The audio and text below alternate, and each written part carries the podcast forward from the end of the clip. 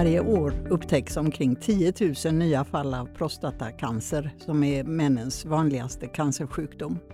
Den här podden ska handla om prostatacancer idag och hur sjukdomen kan komma att diagnostiseras och behandlas imorgon. Jag heter Ingela Björk och med mig i studion har jag Anders Bjartell som är professor och överläkare i urologi på Lunds universitet och Skånes universitetssjukhus. Ja, prostatacancer är alltså mycket vanlig men har ganska låg dödlighet. De allra flesta lever med sin sjukdom antingen efter det att den har behandlats eller att den inte alls har behövt behandlas tills de dör av andra skäl. Är det så? Ja, det är helt rätt. Och orsaken till det, det är att man idag i de allra, allra flesta fall upptäcker sjukdomen genom att man har tagit ett enkelt blodprov, PSA-test, och sen så gör man en undersökning av prostata och så kan man i många fall hitta en tumör i ett väldigt tidigt skede. Det kan vara väldigt liten. Så det är en förklaring, att man hittar en tumör väldigt tidigt och många av de här tumörerna de, de eh, växer oerhört långsamt. Många av dem kan ligga helt stilla i 10, kanske upp till 15 år. Och sen börjar de växa och när de växer så är det vissa som växer väldigt långsamt och andra kan växa ganska snabbt. Men det är också så att vi gäller ju att, att bli bättre på att verkligen hitta de cancerna som växer snabbt och är farliga från början i ett väldigt tidigt skede. Så det är där vi har mycket att göra. Och de här som inte verkar så farliga utan som håller sig stilla, där eh, kan det räcka med att man följer utvecklingen? Ja, och det har blivit mer och mer vanligt att de, de flesta cancerna man hittar idag, prostata det är alltså eh, tidigt upptäckta cancer eh, som man faktiskt eh, i många fall inte ska behandla. Om det är en lite yngre man så följer man cancern fram till man ser att den kanske börjar växa och då ska man behandla den och bota den med strålning eller operation.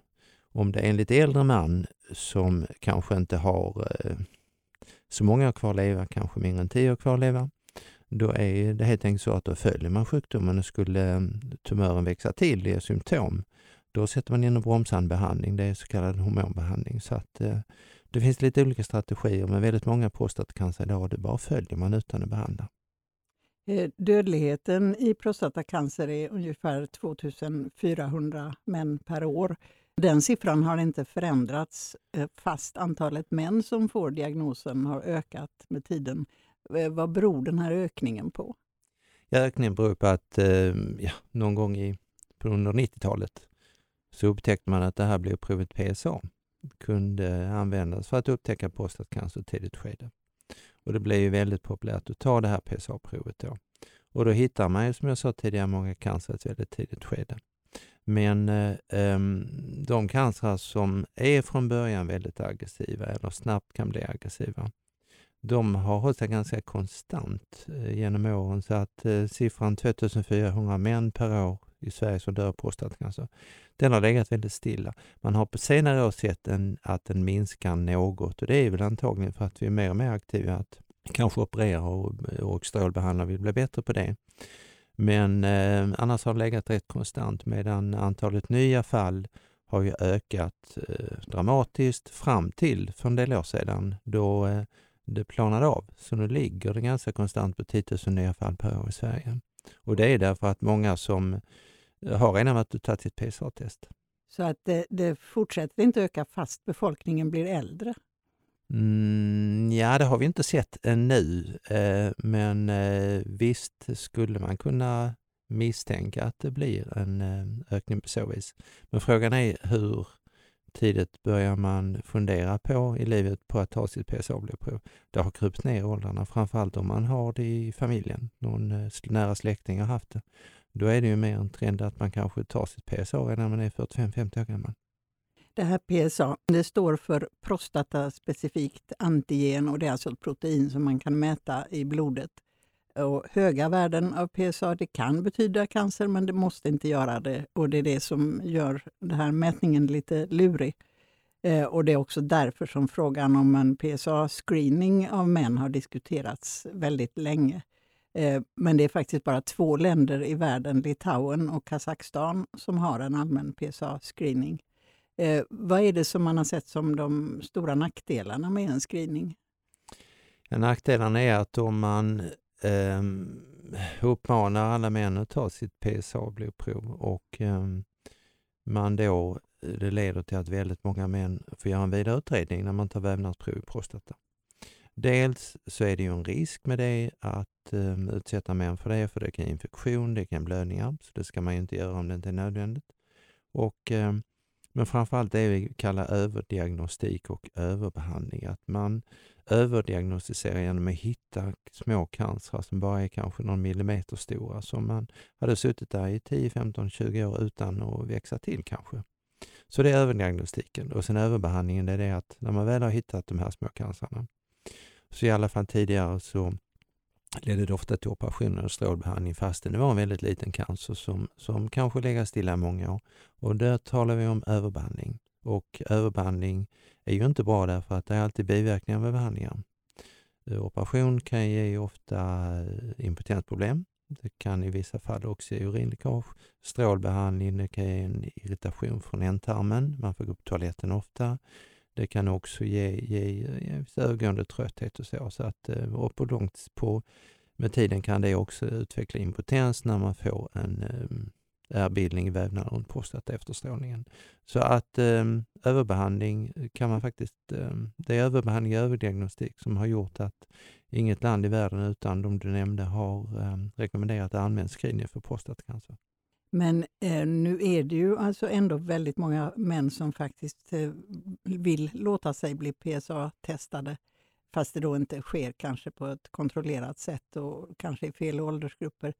Eh, men det görs alltså redan många tester och dessutom så har det kommit fram sätt att komplettera och förbättra de här PSA-proverna så att det kan faktiskt komma att bli ett nationellt screeningprogram av något slag så småningom Eh, och du har varit med i det arbetet. Kan du berätta lite om det? Jo, dels har jag varit med eh, och forskat kring eh, nya PSA-tester där man ser på olika former av PSA och det skärper diagnostiken. Problemet är att om man tar ett enkelt PSA-blodprov och man får svaret ett lätt förhöjt värde mellan 3 och 10 nanogram per milliliter, då är det kanske mindre än hälften av patienterna i den gruppen som verkligen har en prostatacancer som man hittar när man gör utredning. De flesta har kanske en för stora prostata eller haft inflammation i prostata vid något tillfälle. För då blir PSA också lite grann för högt. Så, så att um, där har vi ett problem eh, med alla män som har ett PSA som ligger i gråzonen. Och det där det är ett bekymmer. Man, det har blivit bättre med de nya PSA-testerna men Ehm, ett vanligt PSA-prov kanske kostar ett par tior att analysera. Ett nytt PSA-test ligger på kanske mellan 2 och 3 000 kronor. Så det kan man inte införa någon som screening. Men eh, vad vi ska satsa på det är som kallas organiserad PSA-testning. Att man, man ser, identifierar vilka män har nytta av att ta sitt PSA. Hur ofta ska de ta det? I vilken ålder ska de ta det?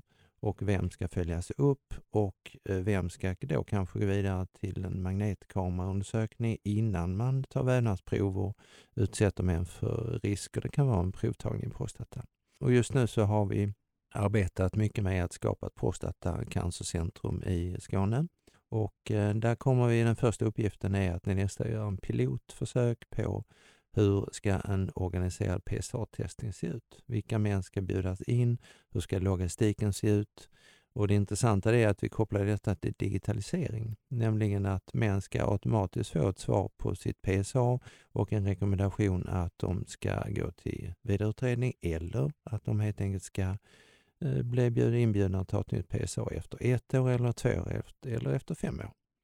Men problemet med PSA Eh, provtagningen idag det är att vi har en opportunistisk screening, nämligen män som eh, kanske är 80 år gamla, som har många andra sjukdomar.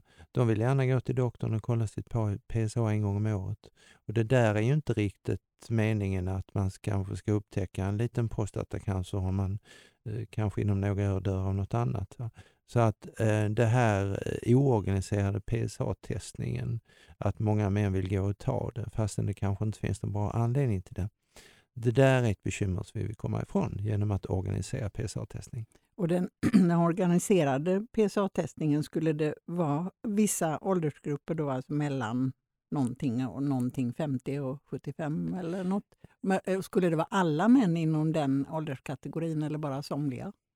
Nej, egentligen så tycker jag väl att man ska eh, låta alla män i den åldersgruppen eh, få en inbjudan med PSA. Man kan, från början pratar man om mellan 50 och 70, men frågan är om vi inte ska dra den upp till 75. För det är ju väldigt många män i den åldern som är vitala, har många kvar att leva då? Så att ehm, visst, där har vi en ehm, eh, lite grann att fundera på också hur man i så fall ska identifiera de män som eh, har um, inte har nytta av att ta PSA. Det skulle vara om man är svårt sjuk i något annat eller om man kanske redan har fått diagnostiserat en prostatacancer.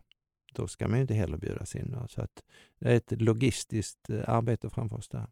Så ni, det är en del jobb där med att förfina organisationen innan det kan bli något allvar av den, den mera organiserade PSA-testningen. Men om man eh, kommer igång med något sånt här, då blir det fler PSA-tester, men det skulle inte behöva bli dyrare för samhället för att de skulle bli eh, använda på rätt sätt. Ja, man kan till och med skulle kunna tänka sig att det blir färre PSA-tester. Om det är väldigt många män som går och tar det varje år idag som inte skulle behöva ta det mer än kanske vart femte år. På så vis kan man reducera antalet PSA-test. Så att eh, frågan är var vi hamnar, men det är därför vi ska börja med en pilot. Då bjuda in ett par tusen män i Skåne och se lite grann hur logistiken fungerar med ett digitaliserat eh, svar och eh, hur många som svarar på inbjudan Eh, och hur många som faktiskt går vidare till utredning. Och, eh, så vi vill utarbeta en modell som är så bra som möjligt för att undvika överdiagnostik, överbehandling, men ändå hitta de farliga cancerna i ett tidigt skede. Om vi nu går tillbaka till hur det ser ut idag så är det så att om någon har höga PSA-värden och man bedömer att det här måste utredas, Eh, då brukar nästa steg vara ultraljud och vävnadsprov, alltså att man sticker in nålar i prostatakörteln och plockar ut små cellprover. Men det är inte någon säker metod. Ja, eh, nu börjar vi ju få fler och fler stora undersökningar i världen som verkligen visar hur bra, eller rättare sagt hur dåligt den här metoden är. Jag nämnde tidigare att det är ju risk för biverkningar med infektion. Kanske ett par procent av de männen som genomgår undersökningen kan få en, en eh, hög feber och en allvarlig infektion efteråt. Några stycken får lite blödningsproblem, men det brukar vara snabbt övergående. Det är inte det stora, utan det här med sepsis, blodförgiftning, är någonting man måste tänka på. Men om metoden är bra eller inte? Ja, hm. man gör ju så kallade eh, stickprov, rättare sagt man träffar bara en liten del av prostatan när man tar sina prov. Rutin idag är att man tar minst fem prov från höger och fem från vänster sida av prostata. Lite grann standardiserat efter en skiss. Men eh, prostatan eh, är ju mycket större än det området man verkligen träffar. Då. Så att eh, bland annat en undersökning, PROMIS-studien, den visade då att man visar nästan hälften av alla cancer. Men å andra sidan, det kan vara många små cancer där. Och det är alltså om man gör eh, den vanliga metoden med ultraljud vävnadsprov jämfört med om man har eh, tagit väldigt många prov ifrån hela, alla delar av prostatan. Det var det man jämförde. Och då såg man att man kan missa många cancer om man tar sina vanliga 10 eller 12 eh, vävnadsprov från prostata. Så att metoden är inte bra och det vi gör idag som i princip är, är likadant överallt är att om man har tagit vävnadsprov i prostata en gång och ser att det var ingen cancer men man ändå har en misstanke på att det är en cancer därför att PSA-blodprovet kanske ligger högt eller att man kan känna en knuta någonstans i prostata då är det rekommenderat att göra en magnetkamerundersökning. Så innan man sticker en andra gång i prostata ska man försöka sikta lite noggrannare och verkligen se om det är något område man, man, som man har missat tidigare. Där har redan magnetkameran kommit in, men att göra magnetkameraundersökning på alla innan första gångs eh, provtagning. Det finns inte resurser idag och metoden är egentligen inte, den är inte 100% heller magnetkamera. Man missar faktiskt några stycken där också. En flaskhals sen Eh, i bedömningen av både MR-bilderna och vävnadsproven har jag förstått det är eh, specialist, eh, att det behövs mänskliga specialister, alltså erfarna röntgenläkare och patologer och de sitter och ska titta på alla de här proverna. Men här pågår arbete med digitalisering. Att man alltså med artificiell intelligens kunde låta en dator bedöma bilderna istället. Är det en, en viktig utvecklingsväg, tror du? Absolut, artificiell intelligens har egentligen funnits ganska länge. Det var ju många, många år sedan man en, lät en dator eh, analysera ett EKG, bilden av ett EKG och, och säga direkt att det här är ju en sinusrytm och det här är ett förmaksflimmer och så vidare. Så det har vi faktiskt använt i många år, så där har vi redan en, en bildanalys som vi använder i klinisk rutin. Men just inom patologi, det som kallas digital patologi, där är det verkligen på väg mot ett eh, genombrott. För att eh, eh, det här vanliga metoden idag att göra ett eh, vävnadssnitt på ett glas och stoppa det i mikroskopet och titta. Och, det, så gör vi fortfarande och det är väldigt svårt att överträffa det mänskliga ögat. Men eh, att scanna in glaset och kunna ha det på en stor datorskärm och vem som helst i världen kan titta på det. Eh, med dagens teknologi och IT och annat så kan vi ju, kan vi ju jobba på ett helt annat sätt. Så framtidens patologer de kommer nog inte titta i ett mikroskop, de tittar på en datorskärm och sen kan de snabbt eh, diskutera med någon kollega någon annanstans i världen om de är osäkra på bedömningen. Men eh, sen är ju nästa steg hur man tar datorns hjälp för att analysera bilden. Och det är ju där artificiell intelligens kommer in. Och det finns ju många projekt som pågår i världen kring detta. Hur man Eh, dels ska be datorn känna igen vilket är en cancercell och vilket är inte en cancercell i ett vävnadsprov. Men också eh, titta på de olika kännetecknen i en cell. Hur ser kärn, cellkärnan ut? Hur ser eh, cellen ut i övrigt i storlek och så vidare? Hur ligger cellerna cancercellerna organiserade? Är de väldigt spridda och ser mer farliga ut eller ligger de snyggt och fint i små grupper? Så just det här att, att göra bedömningen hur aggressiva cancercellerna är är också någonting som man vill ta hjälp av datorn att göra. Så att det här med digital patologi och automatisk bedömning av cancerceller, det, är ju, det finns ju absolut nära runt hörnet nu och det är många projekt. Vi har e-, även eh, egna forskningsprojekt i vår grupp och många andra jobbar med detta också. Har du någon uppfattning om vad patienterna kan tänka säga? Tror du någon patient kan bli bekymrad över att det inte är ett mänskligt öga utan en dator? Nej, frågan ska... är ju vem, vem har ansvaret i slutändan av bedömningen då? Man kan ju inte, jag menar, tittar man på ett EKG så kommer det ut en datortolkning men det är ändå en, kanske en hjärtspecialist som kastar ett öga och säger ja men det är okej okay det här. Va? Det blev likadant inom patologin också, att man får det, den här datoriserade systemet som ett interaktivt hjälpmedel. Där man får ett förslag på vad det är cancer, vad det inte är cancer, vävnadsprovet och hur aggressiv är cancern. Och så kan man klicka ja eller nej innan man skickar iväg svaret. Så det är också en ansvarsfråga. Sen har vi ju eh, samma sak inom all bilddiagnostik. Eh, alla röntgenbilder och alla eh, olika varianter av bilddiagnostik idag, eh, PET, CT, isotop, magnetkamera, allt. Det är ju digitaliserat. Där har man alla bilderna tillgängliga på datorskärm. Och att låta en mjukvara analysera bilderna där, det är också något som kommer väldigt snabbt. Framförallt eh, när man ser på magnetkamerabilder av prostata. Att bedöma magnetkamerabild för prostata idag, det kräver verkligen en erfaren bedömare och man har börjat standardisera det allt mer och mer och i en skala 1 till 5 hur stor är sannolikheten att det är en, en cancer man ser i ett område av prostata. Men där är ju verkligen mycket man kan eh, vidareutveckla med hjälp av artificiell intelligens. Men även då som ett interaktivt verktyg att eh, man får ett förslag på datorn att det här området ska vi titta lite närmare på, det kan vara en cancer här. Och då kan det mänskliga ögat se om, om man håller med eller inte håller med vad datorn tycker. Det. Sen så finns det en an, annan, eller en ny eh, diagnosmetod eh, som eh, har uppmärksammats, och, och, i alla fall i media en hel del, eh, som bygger på ett radioaktivt medel som kallas PSMA och som söker sig just i cancercellen. Eh, man sprutar in det här medlet och sen så kan man se med datortomografi var PSMA ansamlats. Det vill säga om cancern har spritt sig till andra ställen i kroppen och i så fall vart. Är det en lovande metod, tycker du?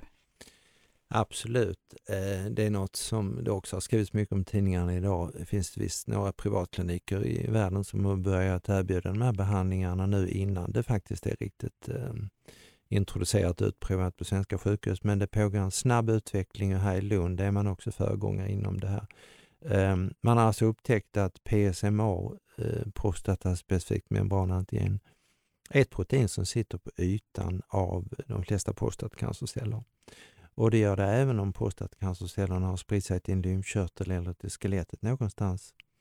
Och genom då att injicera en, en ehm, antikropp eller en liten molekyl som är radioaktivt märkt som binder till PSMA-proteinet så kan man ju dels eh, göra en bilddiagnostik, en scanning, det kallas ju PET i kombination med CT så man ser verkligen var i kroppen upptaget sitter. Um, så injicerar man det och får en bild var prostatacancern sitter, var den har spritt sig. Och nästa steg det är att man injicerar samma sak, men då har man en annan radioaktiv isotop som också ger strålning. Som man, det stället där man vet cancercellerna finns, där får man också en strålning direkt. Så det är målsökande robotar kan man säga.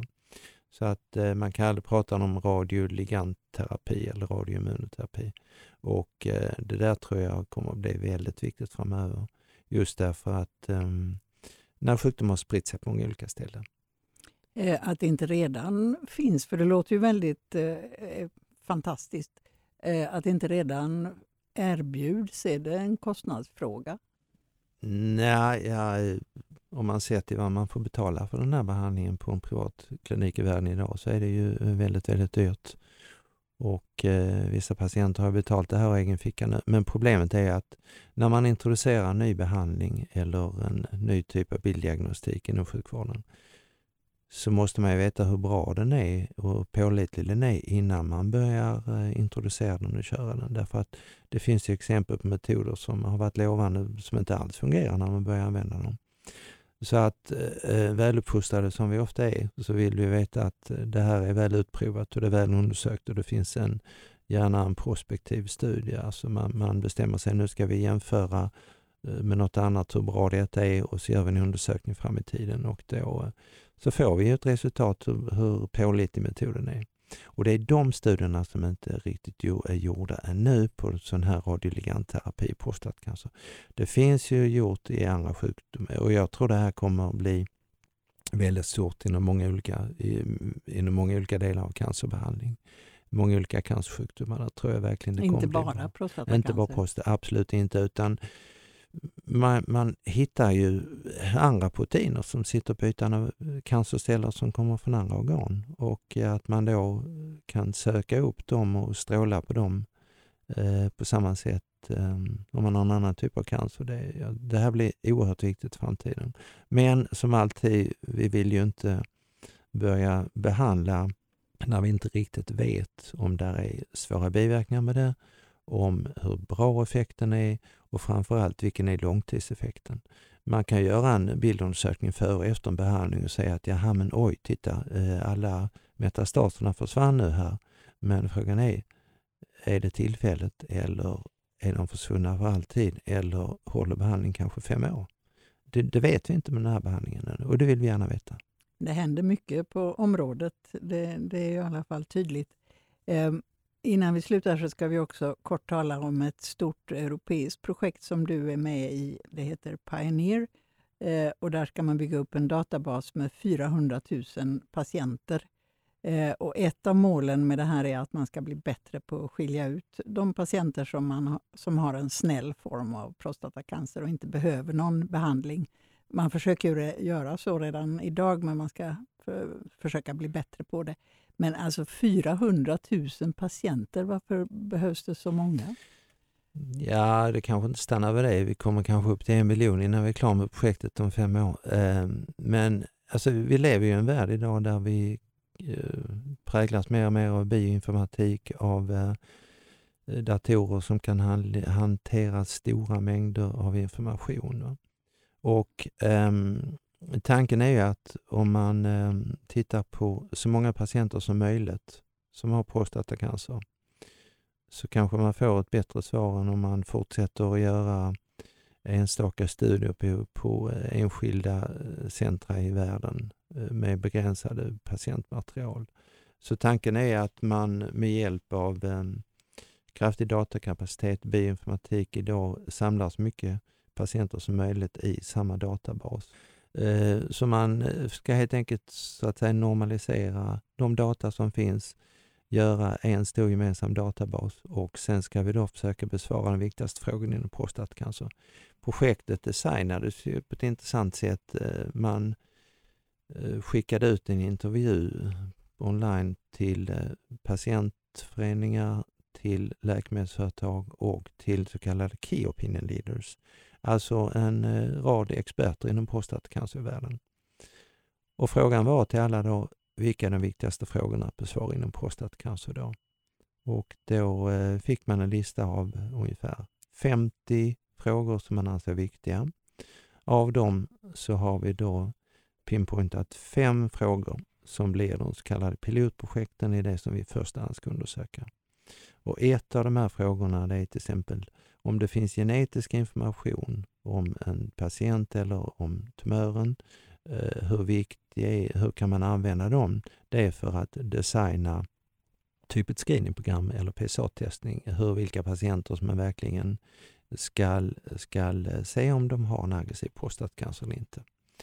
Likaså de patienter som, som har en snäll prostatacancer som bara följs, vilket är det allra bästa sättet att följa dem på och verkligen se om det är rätt patienter som man har eh, erbjudit eh, att inte få behandling direkt utan bara följa. Eh, men det finns som sagt många frågor vi besvarar, men om man skapar en, en riktigt stor databas med många patienter, mycket uppföljning av patienterna, långtidsuppföljning, så mycket data som möjligt kring deras PSA-värden, deras eh, aggressivitet i tumören, vad man vet från patologbedömningarna, så tror jag att man kan vaska fram eh, de svaren vi vill veta om prostatacancer idag. Så det händer mycket inom det här området prostatacancer.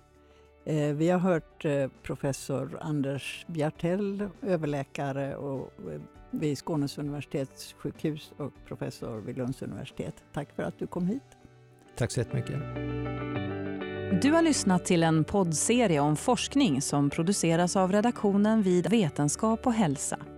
Mer information finns på vetenskaphalsa.se. Du kan också följa oss på sociala medier.